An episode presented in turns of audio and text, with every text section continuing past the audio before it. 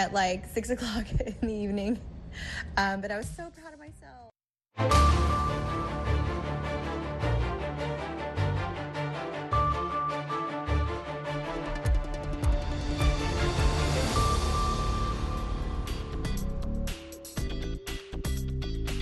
washington laanta af soomaaliga ee idaacadda v o ayaad naga dhegaysanaysaan mawjadaha gaagaaban ee efimada geeska afrika iyo caalamka oo dhan oo aad nagala socotaan v o a somaali com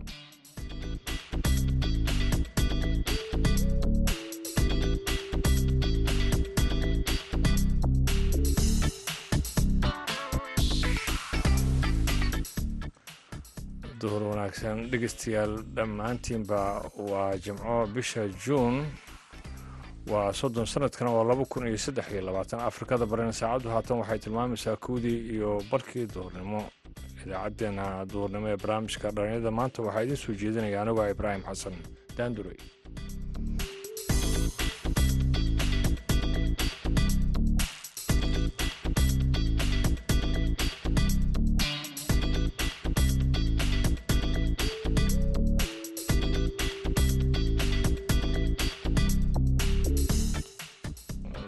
dhegeystayaal qodobada aad idaacaddeenna duurnimo ee barnaamijka dhalinyada maanta aad ku maqal doontaan. Waxaa ka mid ah barnaamijka sugaalka dhaqanka oo hadda ay kale aad dhegeystaan. Waxaana toddobaadkan ku soo qaadanaynaa sugaalka dhaqandhaqaale ee soomaalidii hore. Waxa weeyaan mood iyo nool waa isku wareegaan midba midka kalu moogta bedela moodku nool buu dhalaa noolkuna mood buu dhalaa mar waxa weeyaan xoolihii waa marka la iibiyo wuxuu noqonayaa mood baa la siinayaa. Marka lacag iyo xoolo ayay u kala ahaayeen. Dhankii heesahana kama maraa barnaamijkaasi yeeshee waxaa ka soo horreyn doona intaasoo dhan warkii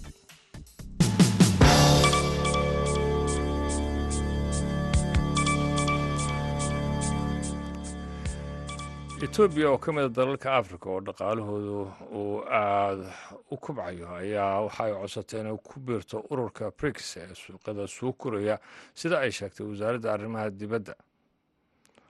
Waxaan filaynaa in brix ay jawaab wanaagsan ay naga siin doonto codsiga aan sameynay ayuu saxaafadda u sheegay afhayeenka wasaaradda arrimaha dibadda ee dalkaasi males alam sida ay sheegtay wakaaladda wararka ee dowladda ee ina isaga oo raaciyey intaasina etoobiya inay sii wadi doonto la shaqaynta hay'adaha caalamiga ah ee ilaalin karaya danaheeda.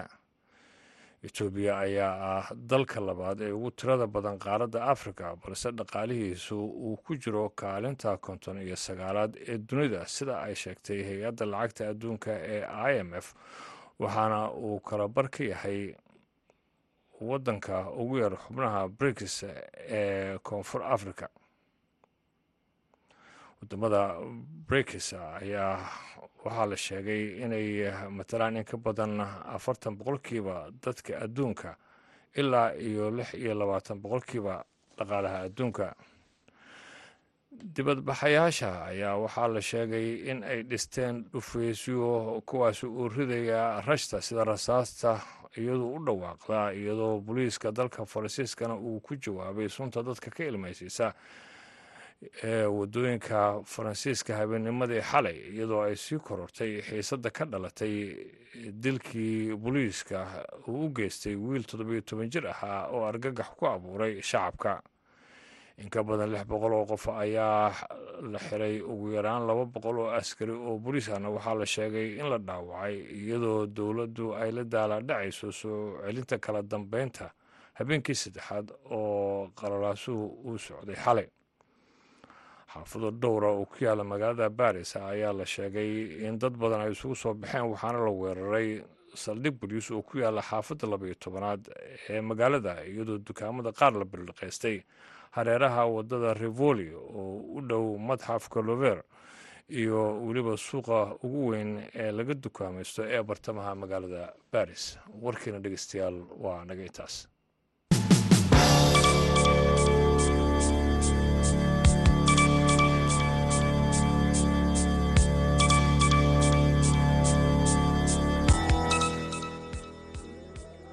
wanaagsan ayaan mar kale idin leeyahay. Haatana waxaad ku soo dhowaataan barnaamijka sooyaalka dhaqanka waxaana soo jeedinayaa xaashim sheekh cumar good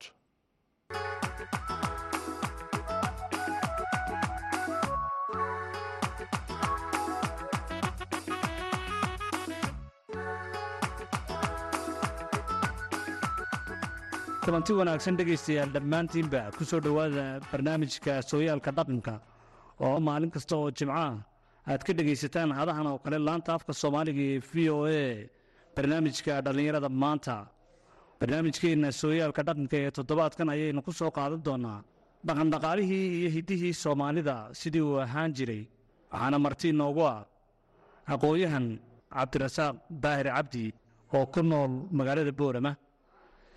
Cabdirasaaq ku soo dhowow barnaamijka sooyaalka dhaqanka ee toddobaadkan waan dhowahay haashim sheekh cumar good waanad mahadsantihiin v o eda ugu horeyn dad badan oo dhallinyara markaynu dhaqanka u sharaxayn dhaqanku muxuu yihi dhaqanku waa wax layska dhaxlo sida deegaan iyo wixii ku xeeran sida duunyo dhul biyo dhir diin iyo macdan caado iyo wixii la halmaala sida suugaan iyo taariikh soo jireena taas ayaa loo yaqaanaa dhaqan soomaalidu wakhtigaa hore waxay dhaqaalaha oo kale u kale qaadi jirtay laba mood iyo nool.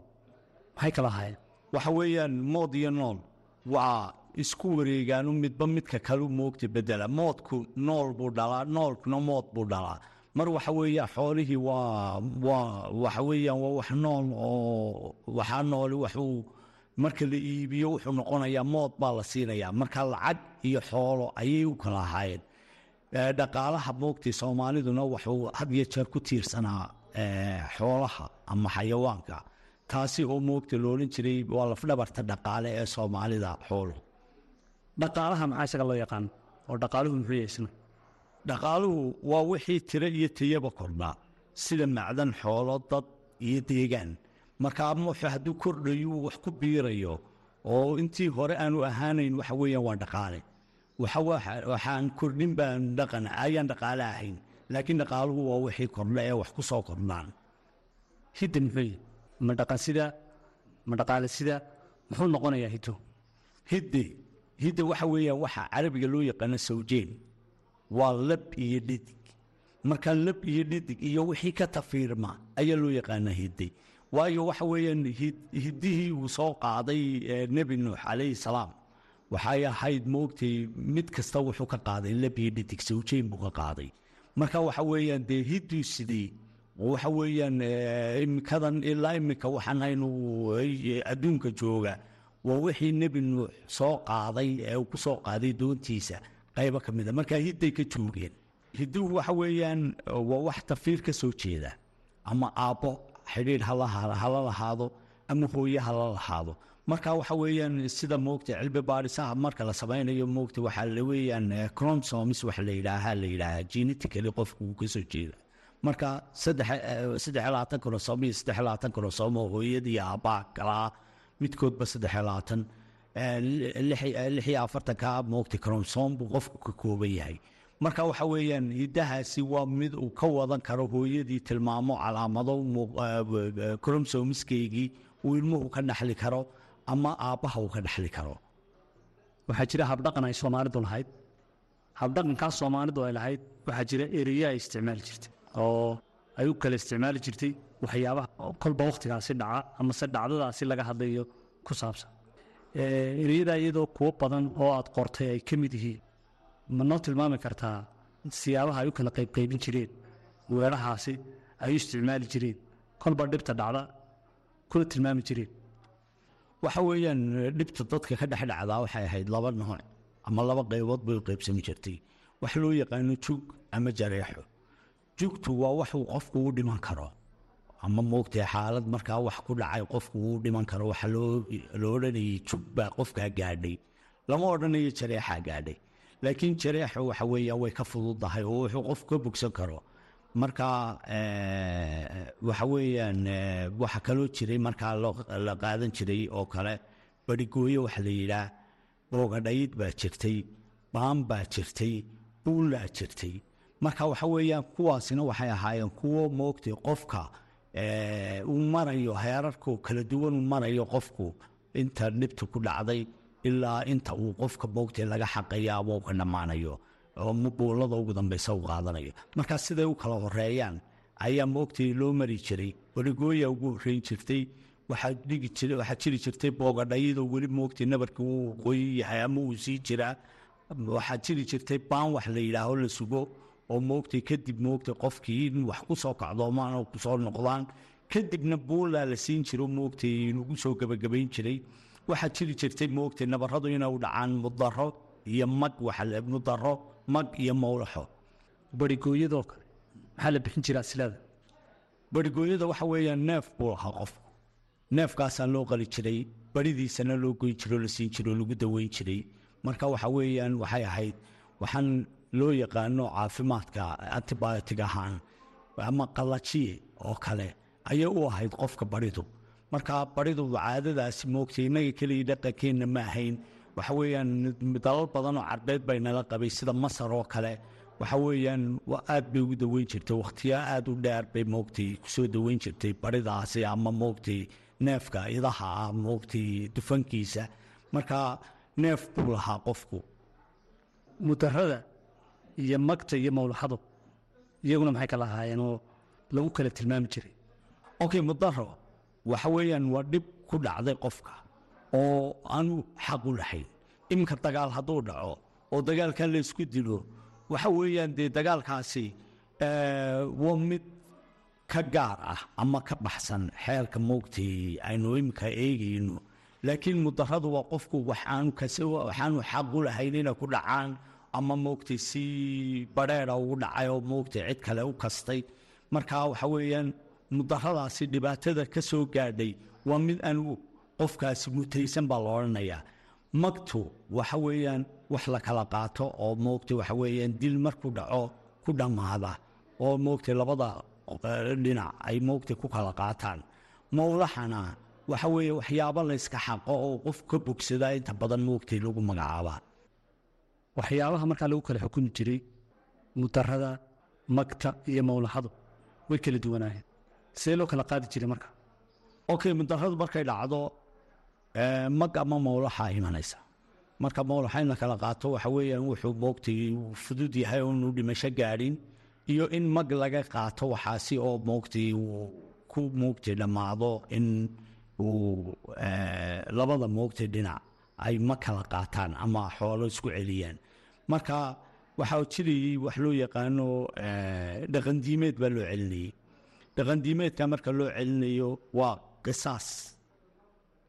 Haddii uu mag yahay laakiin waxaa loo qaadanayaa moogtay dhaqanduunyeed baa la qaadanayaa marka dhaqandiimeedkii dhaqanduunyeed buu keenayaa dhaqanduunyeedkiina wuxuu noqonayaa diye ama mag la qaato.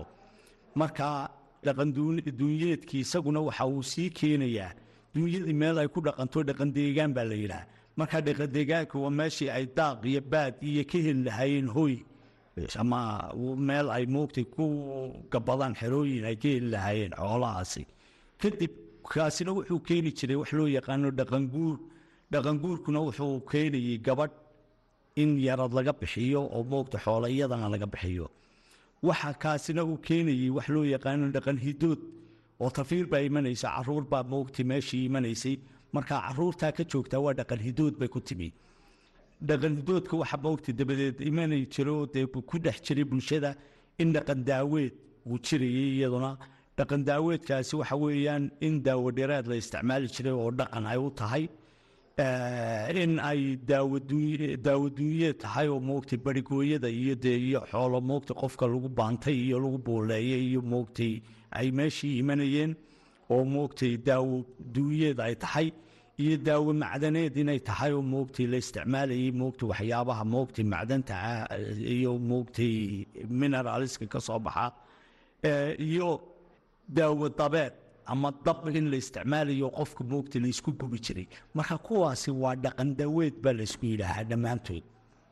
Dhaqankaa dhaqan daaweedka ee soomaalidu isku daweyn jirtay wakhtiyadaa hore. Siday soomaalidu isku daaweyn jirtay dhaqankaa hore. Soomaalidu way isdaweyn jirtay waxa weeyaan intan aan sheegaya moogta dhaqan dhareed bay isku daweyn jirtay. Waa iminka waxa weeyaan adduunkii ugu soo noqdo waxa weeyaan sidii hore moogtay herbal wax la yidhaahaa iminka la isticmaalaa oo moogtay aada ugu soo biiray wax badanna qabta.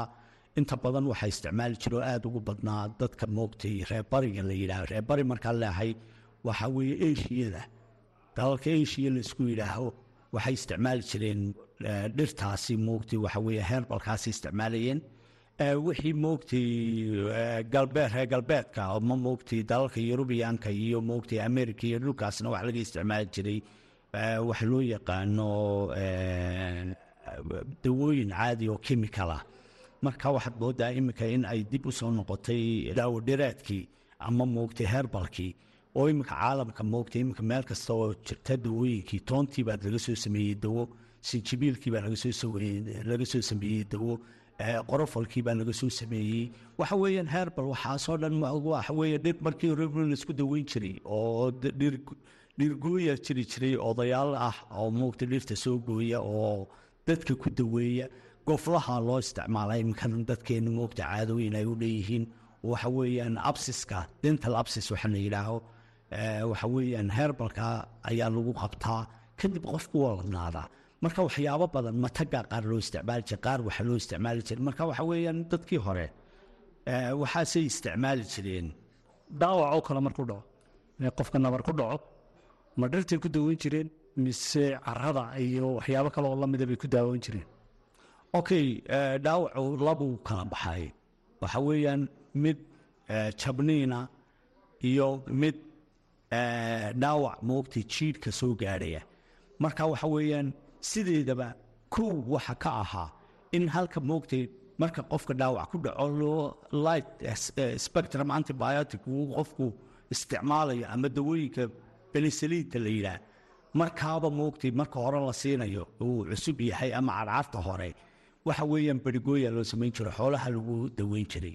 Wixii ka soo hadhana waxa weeyaan waxa lagu daweyn jiray eh, waxaa lagu daweyn jiray sida moogtay garowga oo kale oo moogtay lafta jabtay buu kabaa la yidhaaho iyo moogtay dhir kale oo iyaguna ka kooban moogtay eh, dhirteenna baxda laga soo gooye ama xidad ha ahaado ama caleyntiisa ha ahaado ama jiriftiisa ha ahaado ama wuxuu doono ahaade dhaqan ahaan soomaalidu waqtigaa hore see u kabi jirtay qofka laftu jabtay amase eh, ula macaamili jirtay waxa weeyaan eh, siyaabo kala duwan bay ku kabi jireen nin moogtay waxa weeyaan lafayaqaana ayaa kabi jiray Eh, waxa imikadan lafteeda dadka qaar waa la sii helaya waxa weeyaan dhulka baadiyaha meela way ka jiraan iyagaa kabta inta badan ma keensadaan meelaha caafimaadka ay kala duwan ee magaalooyinka.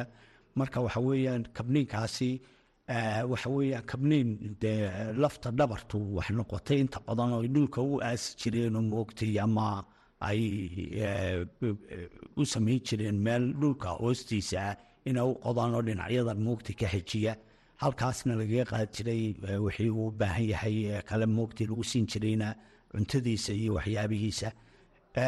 Iyo in moogtay ay jirifta geedaha ku kabi jireen oo moogtay gacmaha iyo meelaha lafaha dhacdheere jabma ay jirifta gee- geedaha intay soo gooyaan ay ku duubi jireen wax maydhax loo yaqaano iyaga u ahaa bandage. Dadka noocaasa ee farsamada noocaasa qaban jiray ee dhakhaatiirta oo ahaa waqtigaa hore soomaalida inta adigu aad cilmi baarista ka samaysa maxay dhaqaale qaadan jireen? Wallaahi waxa weeye qofka moogtay kabnaha aada u yaqaana haddii qofku kabma u fiicnaado waxa weeyaan qofka markuu wanaagsanaado isagaa bixin jiray xoolo oo u soo garan jiray waxa uu bixinayo. Laakiin waxa weeyaan inta badan qofku kuma xidhi jirin wax uu ka qaato qofkaasi ee waxa uu dhammaystiri jiray horta halista iyo dhibta haysata sidii uga kor qaadi jiray. Xaggaasna xagga itigiska ama akhlaaqda moogta caafimaadka way ku fiicnaayeen ma leehay waxaa jira xanuuno iyaguna hidasidayaal ka yimaada. Xanuunadaasoo kale waxaa ka mid a xanuunka qaaxada xanuuno kale xanuunada noocaas see loo daaweyn jiray dhaqanka hore soomaalida. Wallaahi kaasi marka la eego wixii moogtay ilima qabataya ama bakteriya loo yaqaano ma waxyaabahaasi waxa weeyaan wuu dhib badnaa. Imikadan u dhib badayay isagoo daawooyin jiraan. Waxa weeyaan dad badan ugu leecdaan adduunka korkiisa laakiin waxa weeyaan iyaga laftoodu waxa ay moogtay samayn jireen dhir siin jireen. Dhirtaasi ay moogtay ka jebin jirtay xumadda iyo kaarka iyo waxa haya iyo moogtay qufaca iyo waxyaabaha moogtay bronchitiska iyo adigu eh, asmatiga iyo waxyaabaha adigu eh, ka fudud. Laakiin marka la yidhaaho tuberculosis ama t b marka la yidhaah t bdu way adag tahay. Imikadan daaweynteedu waa difficult. Marka magaalada la joogay dawada la qaadanayo waxa weeyaan labaiyo toban bilood waa meelaha qaar la isticmaalaa ama sagaal bilood lix bilood ma siday u kala duwan yihiin. Marka waxa weeyaan dee qofkaasi dawooyin isku jira oo badan baa la siiyaa afar dawo shan dawo isku jira. Marka waxa weeya qofkii moogtay culays badan baa moogtay lagu haynayaa inta moogtay qofkaasi ka ladaanayo laakiin imikadan ay taasi dhib badan tahay dee iyagana kulley ku dhib badnayd. Laakiin wixii ka soo hadhaa waxaa filayaa in ay moogtay xanuunada qufaca hargabka durayga moogtay xiiqda moogtay kixdheerta waxaasoo dhan inay daweysan jireen iyo. Intaas waxaynu ku soo gunaanadaynaa kuna soo gabagabaynaynaa barnaamijkeennii sooyaalka dhaqanka ee toddobaadkan oo idinkaga imanayay magaalada boorama martina uu noogu ahaa. Aqoon-yahan cabdirasaaq daahir cabdi toddobaadkanna mawduuca aynu kaga hadlaynay ku saabsanaa dhaqandhaqaalihii iyo hiddihii soomaalida. Waxaa barnaamijka idiin soo diyaariyey iskuguna kii soo dubariday anigoo ah haashim sheekh cumar good tan iyo kulantideenna dambe waxaan idinkaga tegayaa sidaas iyo nabadgelyo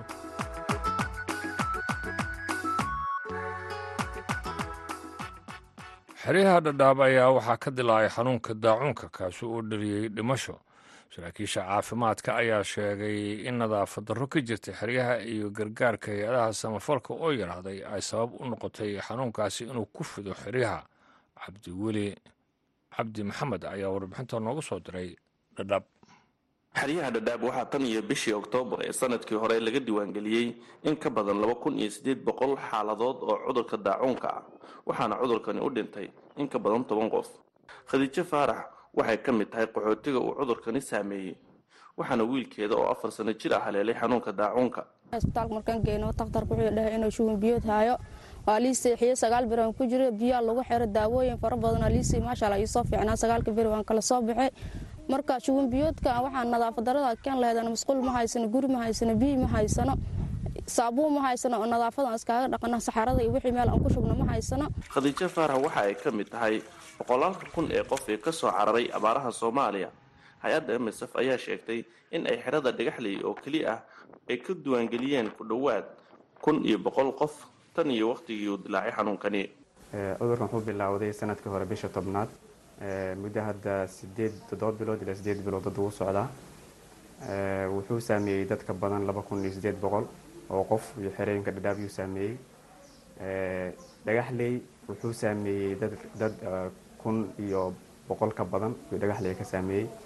Inta dhimasho ee hadda aan hubno xerada dhagaxley waa saddex xanuunka daacuunka qaxootiga xeryaha ku jira oo keliya kuma uusan dhicin ee waxaa jira dad xerada shaqo ahaan u yimaada oo xanuunkani uu soo ritay. Dhagaxley marka habeenkii waan seexday waa lagu bilaabay marka habeennimadii. Tobanka saac horta lagu bilaabay marka habeennimadii hore iyo gadaal baa noqday. Gaariga barnaanku iska yaalay gaarigaa iska mid marka.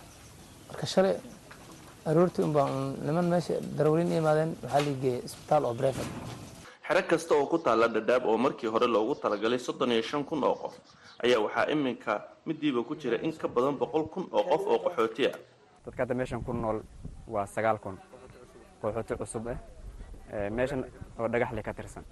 Meeshan hadda aan taagannahay waxaa weeye waa xarumaha caafimaadka m s f ay samaysay mid ka mid ah dowladda kenya ayaa qorsheynaysa inay dib u furto xero afraad oo loogu magacaabo ifatu si ay u dejiyaan dadka cusub ee soo gelahaya loogana yareeyo culayska dhanka cidhiiriga ah ka jira xeryaha kale.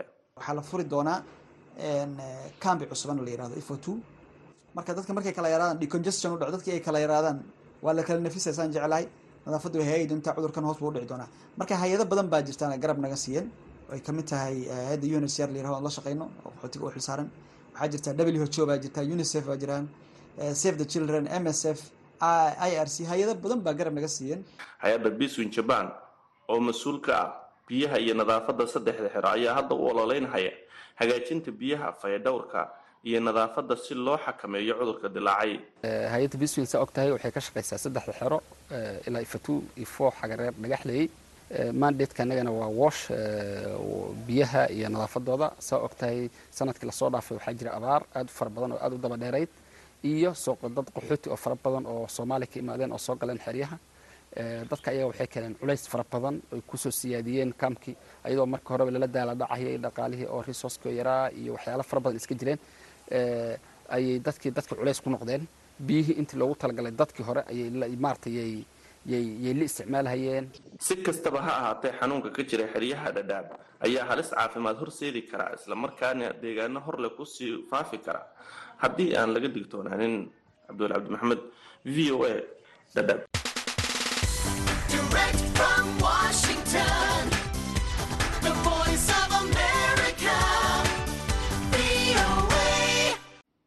duhur wanaagsan ayaan dhegeystayaal mar kale idin leeyahay. Markana waxaan soo gaarnay dhankii muusiga. Waxaad ku soo dhowaataan heestan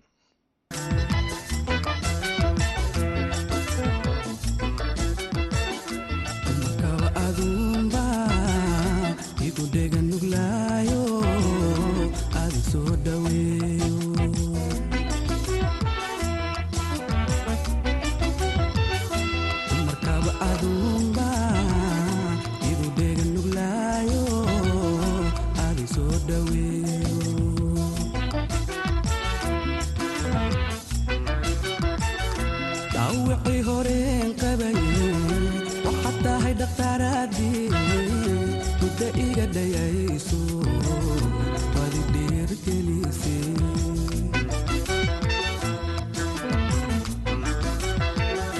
daawicay horeen qabaye waxaa tahay dhaqtaaraadii mudda iga dhayayso wadi dheergelisay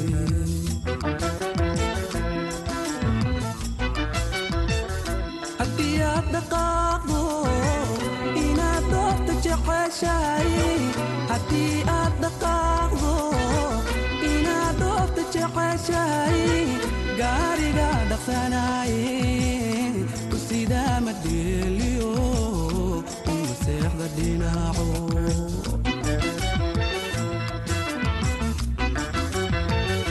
haddii aad dhaqaaqdo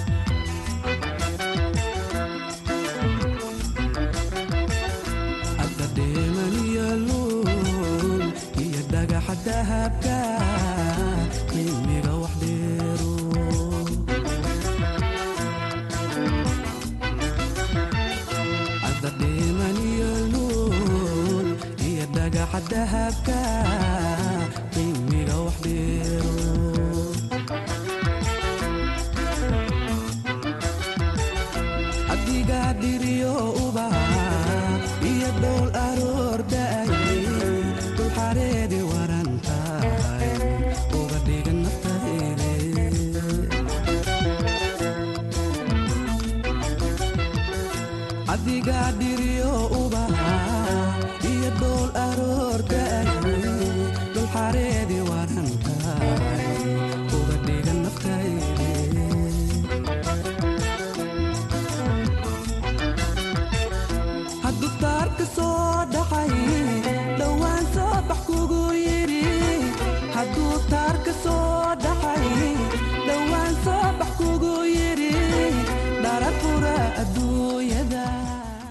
heestaasi uu qaadayay maxamed xasan xuseen lafole waxay ugu dambeysay idaacaddeenii barnaamijka duuram ee dhallinyarada intaan markale kulmi doono sidaa ay nabadgelyo